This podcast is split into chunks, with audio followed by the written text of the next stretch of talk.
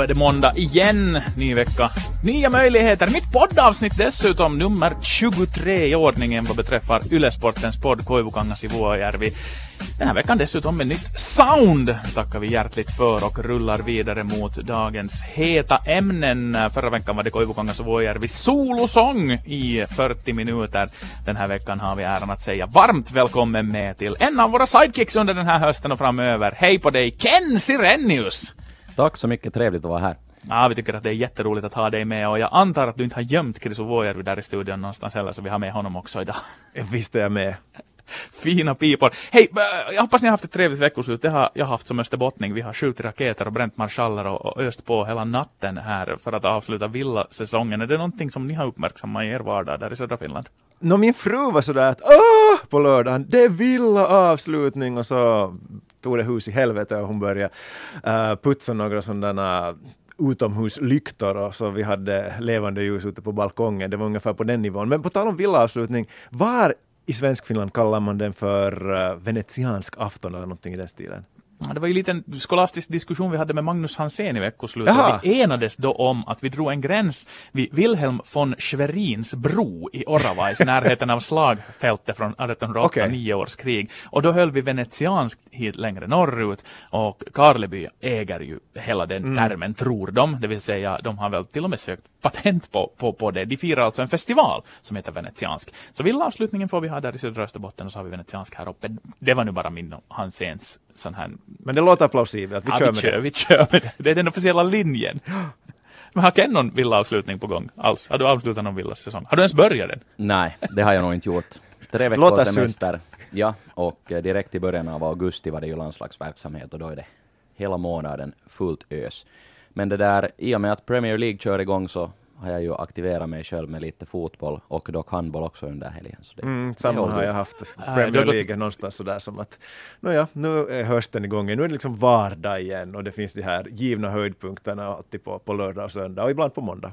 Ja, och det är ett otroligt utbud för tillfället också som konnässör av, av europeisk fotboll i allmänhet. Jag blev på det viset slagen med häpnad att under en och samma dag så kollade jag in lite äh, slutdramatik i Skottland, jag tittade in i Belgien, kollade hur det gick i Italien, Spanien och England. Så det känns sådär att, att ett otroligt smörgåsbord har man att ta till sig. Och jag kan tänka mig Ken att du har gått med ett enda brett leende på läpparna eftersom Arsenal nu äntligen gick och vann en match. Det var skönt faktiskt, måste jag säga. Jag erkänner. Riktigt, riktigt skönt, men att det där, nu finns det ju en hel del som gubbarna får förbättra på ännu.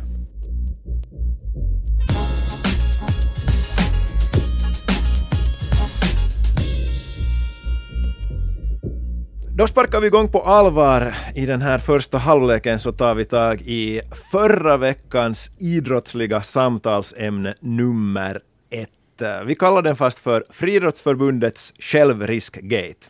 Eh, jag tänkte inleda med en kort resumé om ni inte har hört om vad som har hänt. Äh, parafriidrottaren Ronja Oja hon tweetade förra veckan att hon är väldigt nöjd nu över sin tredje plats i längdhopp i para-EM.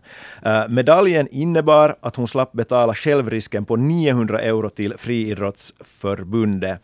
Och det blev ett stort rabalder då det här kom fram och framförallt då att det kom fram att finländska friidrottare som deltog i det som ska vi kalla mm, EM för icke parafriidrottare i, i Berlin då i början av augusti. De här finländska friidrottarna hade inte några självrisker i sina klausuler. Där det som har skett. Om vi börjar i sådär väldigt allmänt, med, med vilka tankar har ni följt den här ska vi nu då kalla den självriskdebatten. Jag tycker det var en, en, ett så tillvida fascinerande sätt hur, hur, hur saker och ting spins upp, det vill säga att en enda tweet öppnar en Pandoras ask uh, och får, får liksom svallvågorna att gå väldigt, väldigt höga kring ett ämne som på sätt och vis ju har funnits där ute. Det finns ju uh, liksom arbetsgrupper, kommittéer, beslutsfattare som har, har godkänt de här förfarandena och de här kontrakterna har funnits och, och, och det har liksom varit ett rådande, ett rådande förhållande som sen via en uppdatering och kraftiga reaktioner på det får, får otroligt stora proportioner och blir på sätt och vis i efterdyningarna av Kempainens EM-floppande med alla medaljerna där ytterligare ett PR-fiasko för, för det förbundet. Och sen har det ju lett till också att man har börjat rannsaka sig på väldigt många andra håll och man har diskuterat att hur är det hos oss, hur är det utomlands, hur är det i Sverige, det här skulle inte vara möjligt här och så vidare. Så att det, det är ju fascinerande hur en sån här story kan ta skruv från någonting ganska litet till att sen bli faktiskt ett samtalsämne som sträcker sig långt och hoppeligen också förstås förstås leder till konkreta förändringar där det finns missförhållanden. Det är liksom min reaktion till hela den här storyn. Jag tycker det, det är intressant hur någonting, hur, då en boll sätts i rullning, vart det kan landa. Ja, jag känner själv att det är en ska vi säga lite konstig, ett konstigt läge där vi har vuxenidrottare som är på väg till EM och representera, representera sitt land och då egentligen är man bunden till en eh, viss medaljkvot för att egentligen inte hamna betala sin vad heter mm. det nu, avgift för att delta. Det känns, det känns konstigt, men att det där, jag vet inte, sen eh, på något sätt har ju också Friidrottsförbundet där tänkt och resonerat när de har gjort upp en sån här, ska vi säga, klausul, att inte, inte tror jag det är kastat från, kastat från hatten på det sättet, inte att någon, något resonemang finns där bakom, no, bakom det, säkert. Men vi talar väl om att, att de här paraidrottarna är, är dyrare i drift för att mm. uttrycka det krasst, det vill säga resorna och, och, och, och kanske hotellen är dyrare för dem. Och det, föll ju inte i så god jordmån då, då träningschef Kemppainen konstaterade det här. Jag tycker själv också att det fanns två aspekter som, som var väldigt upprörande här, det vill säga att det var ojämlikt mellan senioridrottare,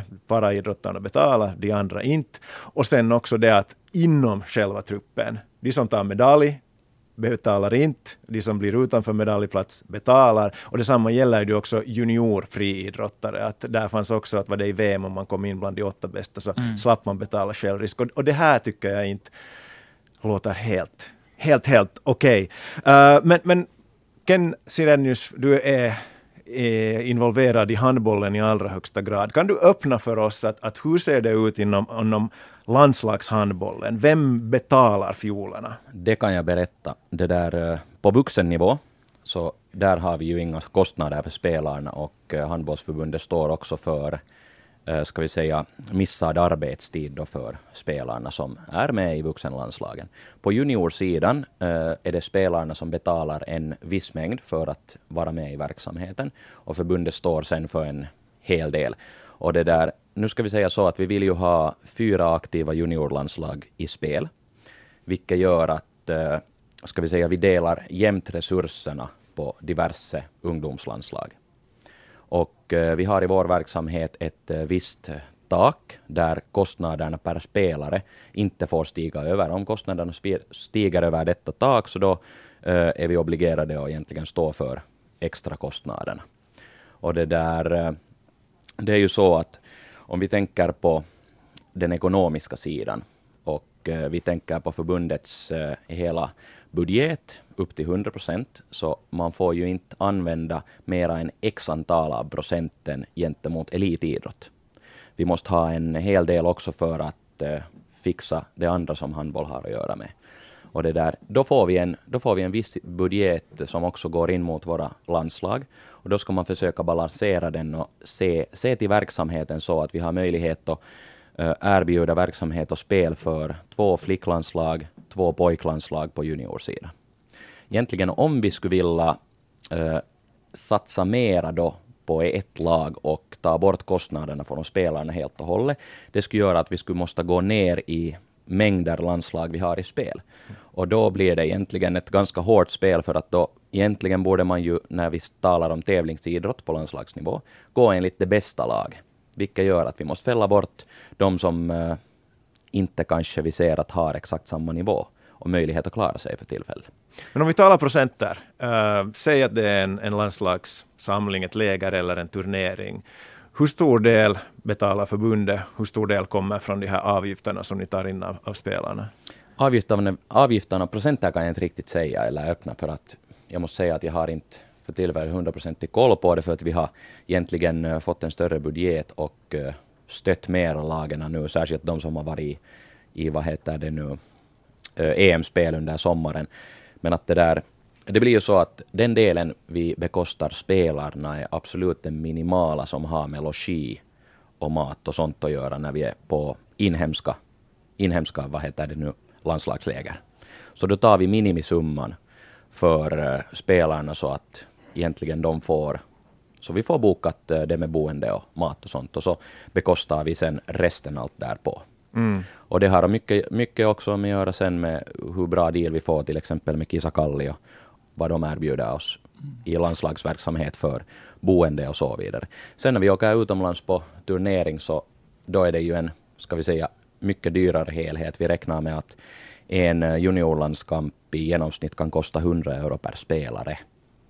Och det där, där försöker vi då hålla, ska vi säga, kvoten så nere som möjligt för att det, då, då talar vi om en eh, EMB-nivåturnering till exempel. Och eh, där vill vi ju att spelarna inte måste bekosta en stor summa för att de ska åka på EM och representera vår landslagsverksamhet och vårt land. Men att det där, vi har ju inte, vi är inte ett rikt förbund, så vi, vi måste hela tiden egentligen hitta balansen i vår verksamhet, att vad vi egentligen, vad vi egentligen klarar av och vad är det, vad är det optimala för att vi ska kunna ha en eh, kvalitativ verksamhet som har möjlighet att egentligen på ett lite längre sikt utbilda spelare, ge dem chansen att växa upp i vuxenlandslagen. Så det, det, är en, det är en ganska svår fråga, men att för tillfället har vi hittat en helt okej okay balans.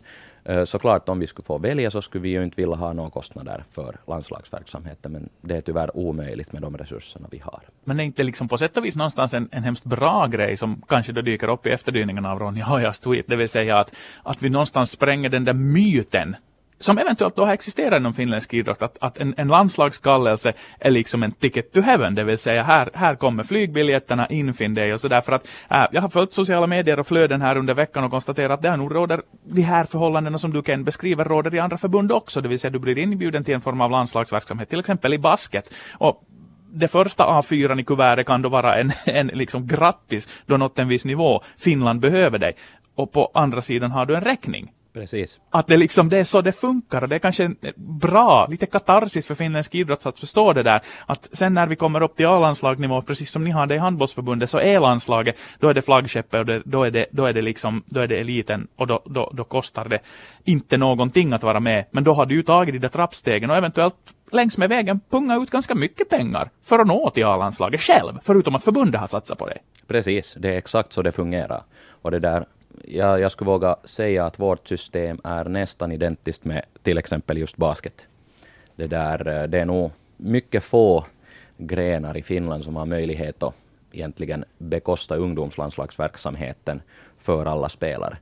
Eh, jag har en an, annorlunda modell till exempel i svensk handboll på juniorlandslagssidan. Där blir det så att eh, det där, om en, ungdoms, en ungdomsspelare blir inkallad till landslaget så blir det inga kostnader för spelaren. Men det är moderklubben eller klubben han spelar i som bekostar hela faderullan. Wow! Och det, där, det, är ett, det är ett fint system. Så har vi stora klubbar som har flera spelare som då lägger helt enkelt mera pengar på det. Mm.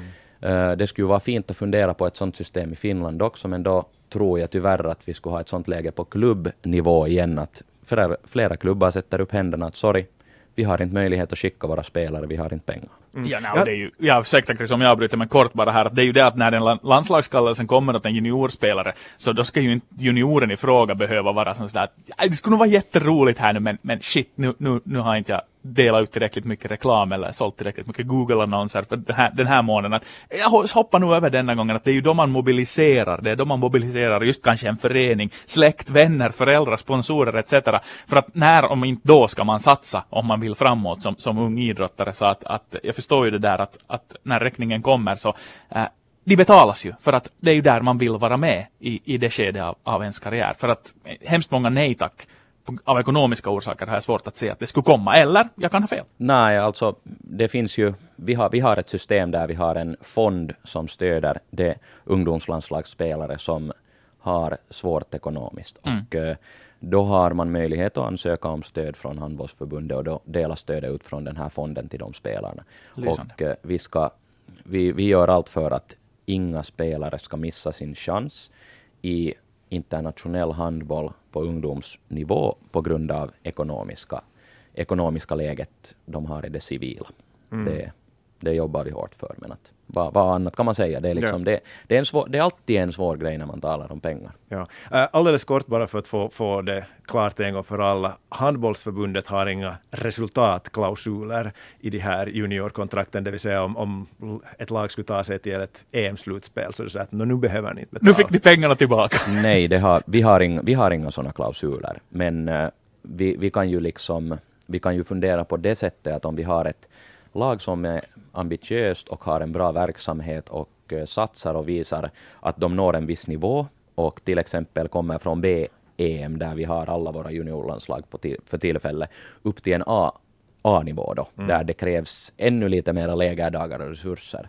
Så då ska vi ju, då ska vi ju ha en möjlighet från förbundsnivå att kunna stödja detta laget och ännu mera så att deras personliga kostnader inte stiger upp på grund av att de har gjort det bra. Mm. Är ni med på det? Yes. Så det mm. där, det, det, det, måste vi ju kunna lösa från förbundssidan igen. Yes. Men hej, om vi för, för den här diskussionen snabbt lite vidare, om vi talar om, om kostnader för junioridrott, det är ju en, en ganska så het potatis, för det finns som vi vet, alla tre och säkert de flesta av våra lyssnare, det finns grenar som är oerhört dyra.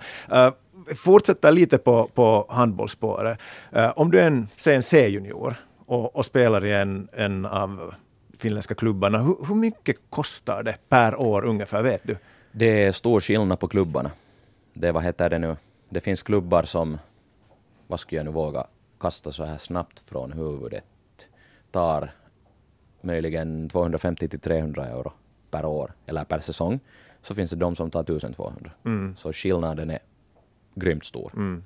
Antti, du har barn som har börjat spela, åtminstone ena sonen i, i FF Jaro. Hurdana mm. kostnader är det på, på din son? Var han sju ungefär? Vilka kostnader talar man, man om där? Aha, 20-åringen spelar inte någon fotboll, han spelar innebandy för tillfället och där är det ganska modesta kostnader och låga hallhyror äh, lyckligtvis. Äh, men de stiger nog med tanke på också att vi till exempel har fått i Jakobstad en, en ny hall, en bra sådan där kostnaderna är dyrare men underlaget är fantastiskt mycket bättre. Så att det kommer att stiga längs med vägen. Äh, I den sitsen befinner jag mig för tillfället att eftersom jag är juniortränare själv så äh, har min, min, min svett och, och, och, mina målvaktsträningar och, och mitt uppställande på till exempel idag Neidens ligamatch i Larsmo på Holms fantastiska konstgräsplan gjort att det inte uppbärt någon avgift för min son. Äh, så i ärlighetens namn för tillfället vet jag bara att det har stigit längs med vägen och vi börjar närma oss småningom. Inte någon smärtgräns, mm. men en gräns där man faktiskt måste punga ut lite mera pengar. Och det är ju inte bara heller i en ung människas liv heller den här idrotten som kostar, utan det finns andra aktiviteter som också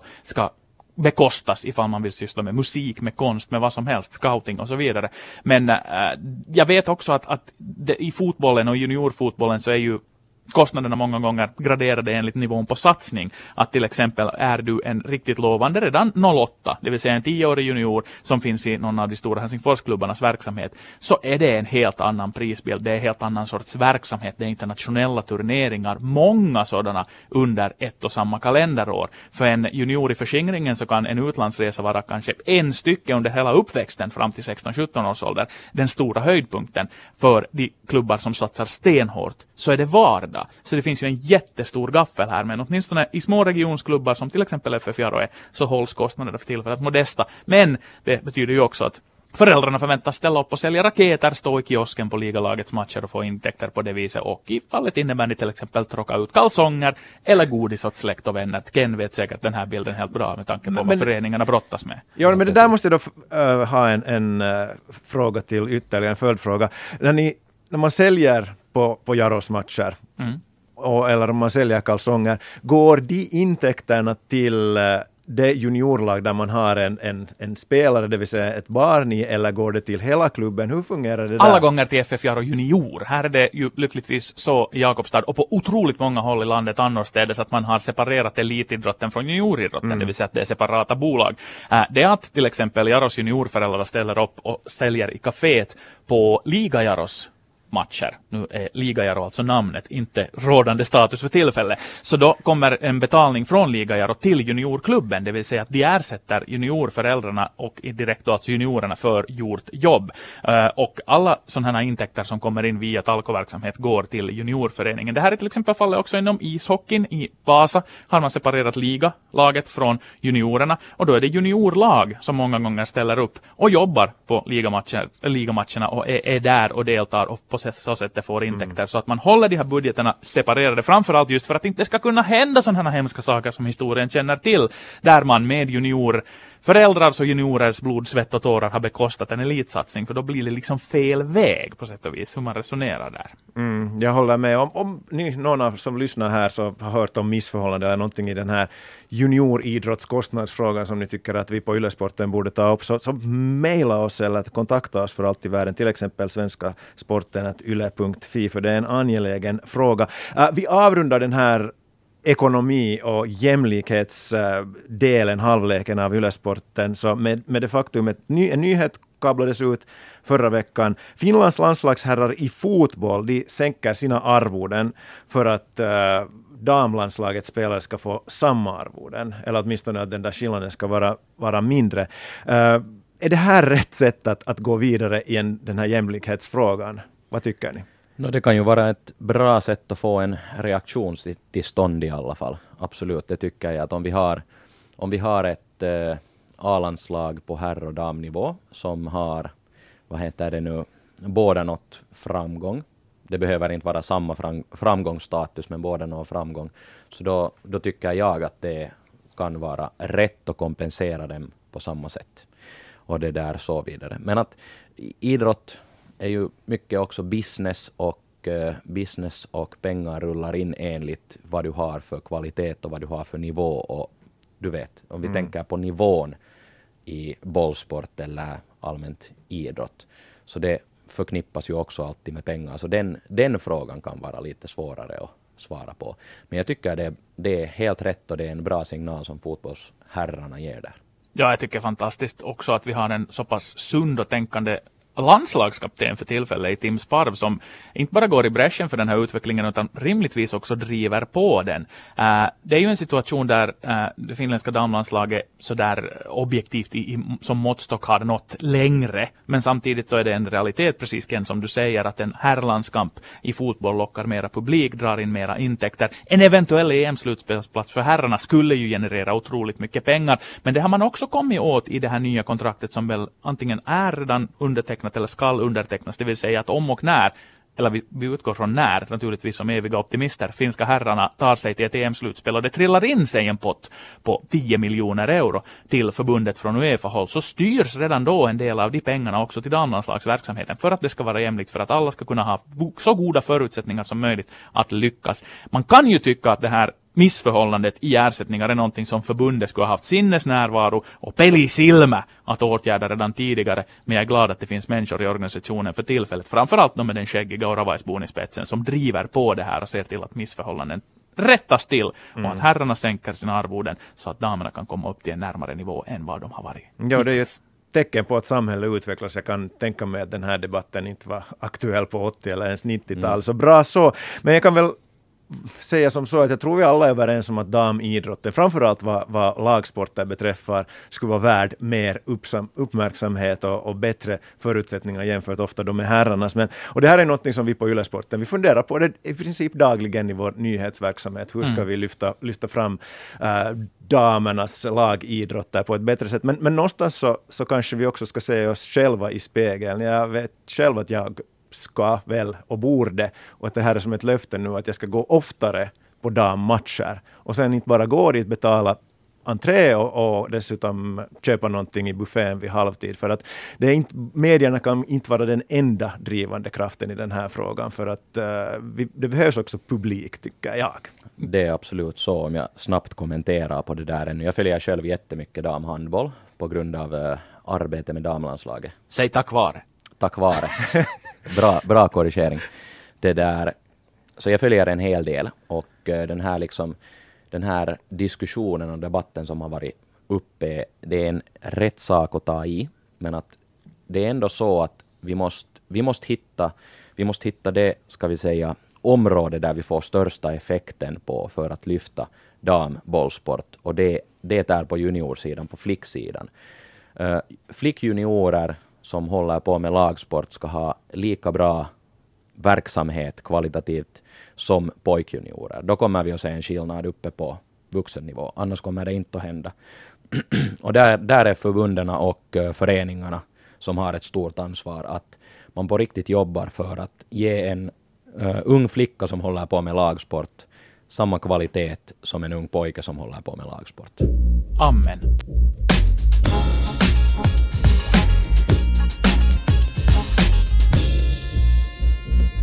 I den andra halvleken av Yle-sportens podd Koivukangas och Vuojärvi featuring Serenius den här veckan så tar vi upp tre ämnen alldeles kort och uh, reflekterar kring vad som har hänt. Det här är synnerligen dagsaktuella allihop. Det har hänt en hel del under veckoslutet. Bland annat så körde Kimi Räikkönen bil i sju varv sist och slutligen i uh, Belgien. Han var på banan igen. Men han har också enligt sin nya bok, som Kari Hotakainen har skrivit, varit en hel del på banan under tidigare år också. Nu tänker jag på avslöjandena om det, bland annat det 16 dagar långa festandet som Kimi Räikkönen stod för. Äh, när ni läste de här nyheterna kring lanseringen av Räikkönens bok och Risu, du har dessutom läst den här boken, så äh, en hurdan förebild upplever ni att Kimi Räikkönen just nu är? Jag menar, den här boken har ju fått ett ganska kraftigt genomslag. Mm. Den har sålt bra, köerna i biblioteket är sjukt långa. Det här kan i många fall vara den enda boken till exempel en ung man läser under, säg, ett helt decennium. Mm.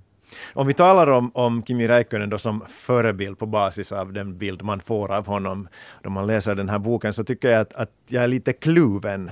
Uh, om vi inleder med det positiva så, så visar Kimi Räikkönens popularitet, tycker jag, att folk och de breda publikmassorna tilltalas av någon som är fullständigt sig själv och vågar vara sig själv. Mm. Kimi har gått sin egen väg och, och, det tycker jag att, att man uppskattar mer och mer. Då han, då han slog igenom i Formel 1-världen så tyckte jag att folk var mer kritiska. Att vad sysslar den där karln med ännu med den där knarriga rösten lite. Och det är en, en liten intressant detalj i boken att, att orsaken till att han har en så knarrig röst är att han var med om en motorcykel, eller en motocrossolycka i, i sin ungdom. Att han föll med halsen före på, på styrstången vilket ledde till att hans stämband förstördes. Nå det om det. Uh, ja, så Kim, Kimi är en, en, bra förebild på så sätt att, att han eh, är sig själv. För vi har tillräckligt med idrottare som på något sätt efterapar det här normen. Och de ger, i sina uttalanden så kommer de här klyschorna, de kommer som från ett, ett gammaldags kassettband om och om igen på loop. Men sen å andra sidan så, så den här boken är lite glorifierande vad, vad Räikkönen beträffar. Den problematiserar inte till exempel hans förhållande med alkohol, då han till exempel säger att han litar inte på folk som inte super. Och om en, en tonåring läser det här, läser om hans fylleslag, så tycker jag kanske att här kanske ett mer kritiskt grepp skulle ha varit sådär, åtminstone om vi tänker på, på folkhälsan och, och vilken bild man ger till ungdomar, kunde ha varit på sin plats. Så att, så att jag är lite kluven då vi talar om Kimi Räikkönen som en, som en förebild för ungdomar? Ja, alltså jag, jag känner att det, det, där, det är härligt att han är 100% sig själv, dock vad man kan tro att det, vad heter det nu, som står i boken är på riktigt, det var det frågan om att de inte har liksom spicea upp det för mycket för att få den att sälja. Och det där, just det som, det som du säger där att man får liksom en, en ärlig bild av honom som, ska vi säga, idrottsfigur. Att han inte går enligt den där normen. Och det, det, är, inte en, det är inte en dålig sak. Sen såklart, eh, vad gäller förebild för ungdomar så kanske inte Kimi Räikkönen måste vara den perfekta förebilden heller, utan ungdomar ska nog i sitt liv också ha ett, ska vi säga, annorlunda nät som bygger upp deras vision på världen och kanske de inte hoppeligen då tar åt sig den här den här meningen som du säger att mm. jag litar inte på människor som inte super.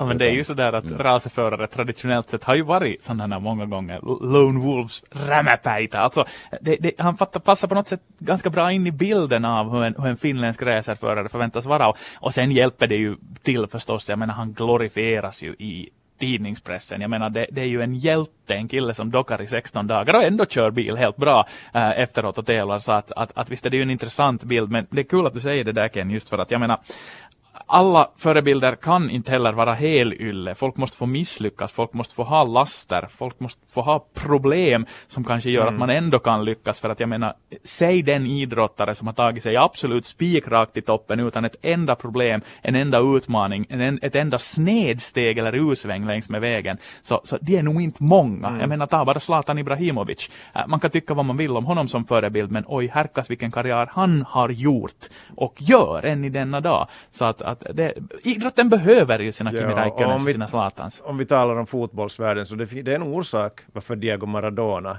är så folkkär i Argentina jämfört med till exempel Lionel Messi, fast Messi har gjort det kan man väl objektivt säga, en bättre karriär och mm. något mer.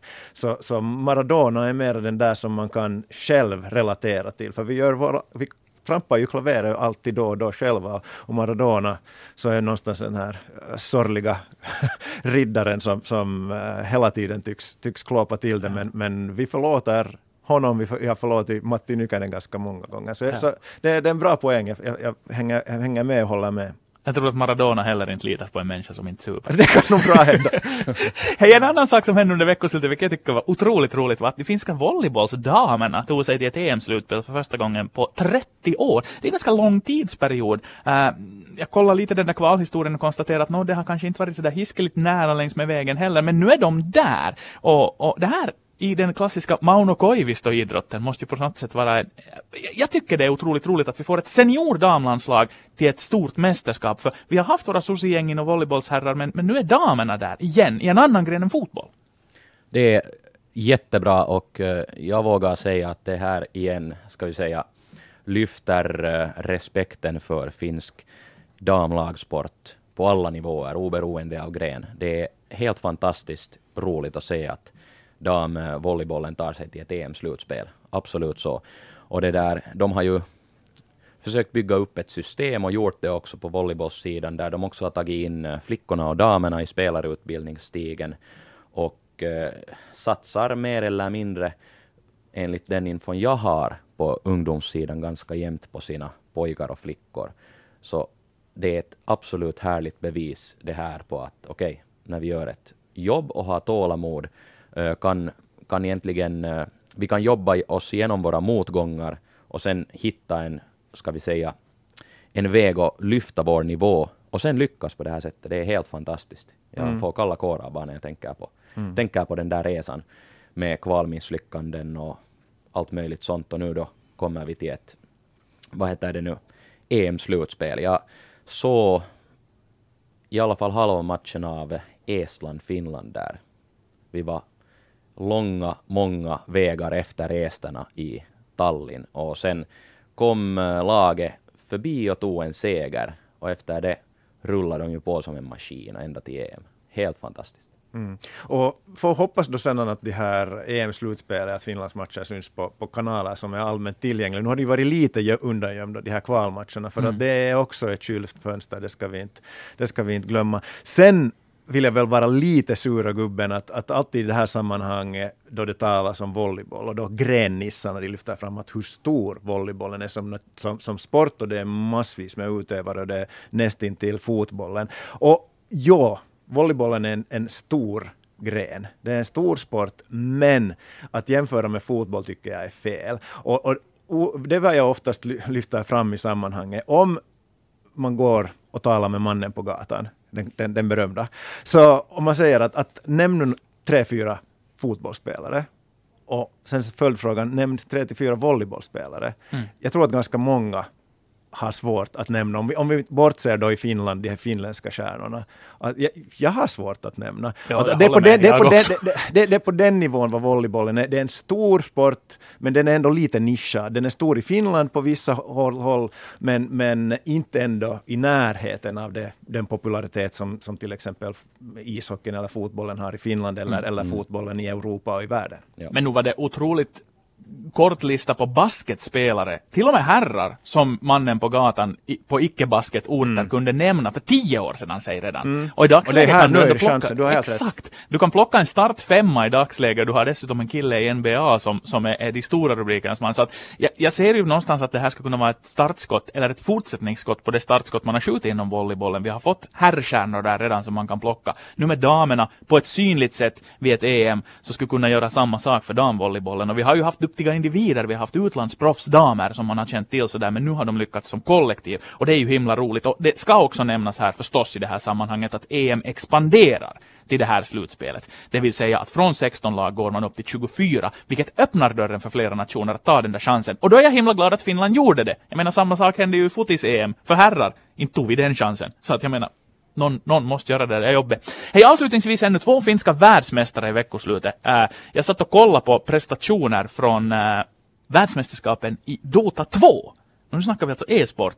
Äh, helt sjuka scener, grymma referenter dessutom, som ser allt som händer och kan och vet och kan analysera det skedda. Äh, äh, vi har alltså eh, en situation där nu för andra året i rad eh, på absolut världsnivå i e-sport och Dota 2. Två finländare vinner VM-guld och dessutom tar in stora pengar. Eh, rycker det alls i era fenor när ni hör om, om e-sports framgångar? Är det fortfarande liksom, är det en helt skild värld för er? om jag ska vara ärlig så det är nog för mig fortfarande en, en värld jag inte helt du med. Uh, jag råkade också faktiskt scrolla genom uh, eh, tv-kanalerna och såg den här sändningen och det såg nog ut som för mig lite som Myrornas krig. Tyvärr. Uh, sen tycker jag kanske inte att, att det gör någonting. De som uh, sysslar med det här, så de är ju otroligt duktiga och det är någonstans kommit från en, en subkultur till att börja bli ganska etablerat. Man ser ju de här prispengarna som är mm. involverade redan. Uh, E-sport, så det växer och, och mår bra tycker jag. Det finns ju röster här på svenska YLE till exempel som tycker att vi på YLE-sporten borde uppmärksamma e-sport mer. Jag, jag själv är lite kluven. De, de som är intresserade så, så vet jag inte om vi kan nå så där, åtminstone lätt för att, för att de har sina källor redan och, och det finns Youtube-kanaler och det finns en myriad antar jag av olika webbsajter som, som sysslar med det här och det är oftast uh, språkkunniga människor. Sen är det ju, är ju oerhört imponerande, jag har lite läst på alltså att hur skickliga och hurdan nervkontroll och hurdan uh, eh, träning som det krävs för att, för att nå toppen. Så att, uh, jag antar att det är någonstans i stil med snart med att, med att bli en världsklass violinist eller någonting i den stilen. Att, att koordinationsförmågan med fingrar och med hjärnan måste vara på toppnivå och sen kan du inte vara en soffpotatis antar jag heller utan, utan du måste också vara i, i fysiskt skick för att, för att kunna hålla huvudet kallt i, i de där lägena som då det ändå är till exempel inte bara prestige utan det är stora pengar det handlar om. Mm. Ja precis, det det vad heter det nu, handlar ju mycket om finmotorik med fingrar och sen, ska vi säga, koncentration fysiskt och sen reaktionsmåga, särskilt om vi talar om de här first person shooter-spelen. Själv till exempel gillar jag att spela Fifa sådär på en mycket sämre nivå än ja. vad vi talar om i e-sportsvärlden.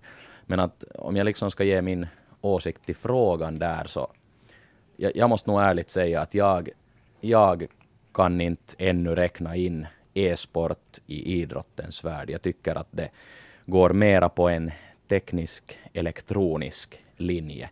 Till exempel har vi diskussioner att ska e-sportarna börja komma in på idrottsgymnasier eh, och eh, idrottsinstitut och utöva sin, sin gren där, tycker jag nej, utan de ska hitta en teknisk högskola eller någonting åt det hållet, där man egentligen har en, ska vi säga, bredare stödkapacitet också för den grenen.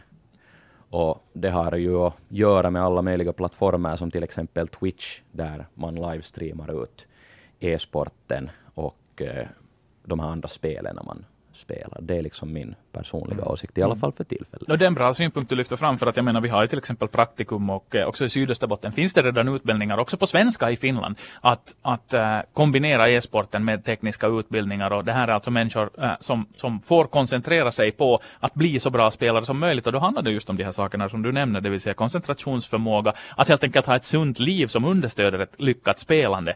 Till exempel vid praktikum så har jag för mig att jag minns att man inte spelar på skoltid, det vill säga det är inte det man gör på skoltiden utan att skolan och utbildningen går ut på att göra, skapa så goda förberedelser som möjligt att kunna spela väl med sömn, med kost, med allt sånt här och dygnsrytm. Så att det, det, det är nog precis som du säger. Jag förutspår alltså en, en, en ännu mera hisnande utveckling än vad vi ser för tillfället. För sponsorerna är redan där, publiken är redan där. Att vi inte är där, det är bara troligtvis ett tecken på vår tröghet som, som som eh, organisationer och som, som institutioner. Så att det här, eh, kul att Finland når framgångar där, inte bara som spelare, vi är också tränare på elitnivå som tränar lag inom e-sport redan. Och jag själv är också en sportspelare, alltså jag spelar mm. sportspel inom e-sporten framför allt, men också fotbollslagen är ju där. Till exempel SJK här i grannen i Österbotten har ett stall för e-sport. Vi satsar stort på den biten så att uh, Oj, vad, it's coming. Och vad, vad det är, är det där gått framåt vad man talar om så här artificial intelligence, de här spelen. Jag minns då jag spelade mycket på slutet av 90-talet, till exempel de här NHL-spelen, så fast man höll till på den där svåraste nivån så klarade jag mig bra. Men nu så, det sen, jag har inte spelat på flera år, men säg för tre, fyra år sedan då jag ännu hade tid att spela lite, så måste jag nästan hålla, på, hålla till vid den där nybörjarnivån, för det var, det, jag blev så utspelad i, om man tog det där, vad heter det, pro level, så mm. Huh, all, all, all heder till de som är bra ja, på det här. Robotarna kommer ja. och förstör allting för oss. När jyrä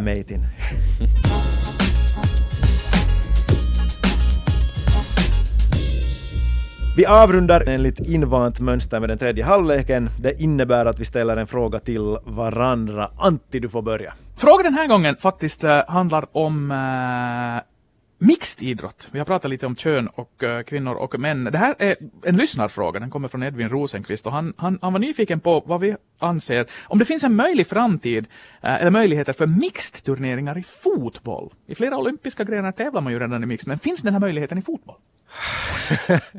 Uh, jag var så nyfiken på, på själva det här konceptet mixed idrottare och framförallt att existerar det överhuvudtaget i bollsporter och en snabb googling, väldigt snabb, så ger vi handen att, att det existerar i korfball, en sån diffus eh, variant av basket, softball, Uh, en variant av baseball och sen rullstolsrugby, that's it. Uh, det finns väl då en orsak till att, att läget är så här, det vill säga att, att uh, det kanske inte är helt optimalt. Jag, min första reaktion är kanske att nej, jag vet inte vad det skulle ge till fotbollsfamiljen. I så fall så, om, om det skulle finnas en turnering så är det kanske i så fall OS. Uh, eh, internationella olympiska kommittén har ju gått i bräschen för diverse mixturneringar och lyfta fram uh, damidrotten också. Det, det, ska man ha heder för. Vi är skit åt internationella olympiska kommittén i många sammanhang, men, men det här har man gjort bra i, i många år. Uh, eh, samtidigt, då jag säger det, så, så den olympiska turneringen för damer är ju en av få chanser för damfotbollen på internationell nivå att riktigt skina. Så jag är inte kanske med, riktigt redo att, att ge upp det, för att det vad jag skulle vilja uppnå är att damfotbollen höjer sin status, eller den, den skulle få mer prestige över sig och mer publik och mer sponsorintäkter och så vidare. Så tyvärr Edvin, jag vet inte att uh, om du själv tycker att det här är en god idé, men, men min magbåtsreaktion är att tummen ner. Jag håller med där 100 procent egentligen på allt vad du säger, för att om vi ska få damfotbollen till exempel då lyfta så det är inte rätta reaktionen för tillfället att sätta damer och herrar och spela på samma bana. För att där är nivåskillnaden ännu i denna dag klar. Damerna är på väg upp och eh, vi ska ge dem lugn och ro och lyfta upp sin fotboll till den nivå som de vill liksom uppnå. Mm. Jag skulle inte mm jag skulle inte tala för mixed. Och den internationella kalendern den är så späckad, mm. så var placerar man då en sån här ja. turnering? Svår och den är dessutom åtskild, och där vill jag komma till mitt korta svar på Edvins fråga, tack vare för att du skickade in den. Uh, det skulle inte funka eftersom till exempel uppbyggnaden med EM och VM-slutspel går så om varandra, medvetet, det vill säga man har hållit dem isär, man går på varandra år. Uh, OS är ett sammanhang, men precis som du säger, där det är helt olika turneringar för herrar och damer enligt de stipulerade reglerna. Uh, Dam-OS är den bästa turneringen som finns egentligen, till, vid sidan av VM. Herr-OS är en juniorturnering turnering. Uh, det som däremot är en öppning åt det här hållet är ju Champions League. Där man ju har synkat herr och dam Champions League, det vill säga att de kulminerar under samma vecka. Uh, nu har också många av de mest framgångsrika herrlagen börjat satsa stenhårt på damfotboll. Det vill säga att du har Chelseas damer och Chelseas herrar. Du har Juventus, du har PSG. Så att här någonstans, om den behövs och om den här möjligheten skulle finnas, så kanske den är att man under Champions League slutspelsveckan, Final Four eller någonting, då skulle kunna så ett frö till att spela mixed, men i mindre format. Jag tycker inte heller att man ska spela det fullt ut som en tävling, men att visa på hur otroligt tekniskt kunnande både herr och damspelare kan vara på samma plan skulle vara ett då skulle Champions League vara ett skyltfönster. Men jag är nog mera benägen att hålla med er, mina herremän Chris och Ken, för det är svårt och det är snarlikt omöjligt. Ken! Fråga du! Okej, okay, uh, min fråga då, outside of the box, ska vi säga, kommer att vem tror ni kommer att stå segrande när Game of Thrones tar slut nästa år, season 8? Mm, jag har ett klart svar, jag nästan skulle vara redo att sätta pengar på det. A girl has no name. Jag tror att det är Arya Stark som sitter på tronen då säsongen över. Vitsigt vad bra Serien svar. över. Sjukt bra svar. Uh, här måste jag blotta min totala oinvigdhet. Uh, mina första gissningar var Gandalf eller Tengil. Men sen googlade jag lite. Man vet aldrig en, en riktig plot twist där. Men alltså jag har ju någonting att se fram emot. Ted Forsström blir säkert rasande där jag som, som blottar min totala okunskap om den här fantastiska serien som lär vara så otroligt bra. Så jag kan ju börja från säsong ett och kanske hinna ikapp till 2019. Men jag gjorde som jag, jag brukar spela på trav. Det vill säga jag valde eh, någon med ett coolt namn och lite sådär outsider odds. Så därför tror jag mina herrar att Euro Greyjoy för 50 gånger pengarna skräller och sitter på tronen när dammet har lagt sig. Och ni garvar.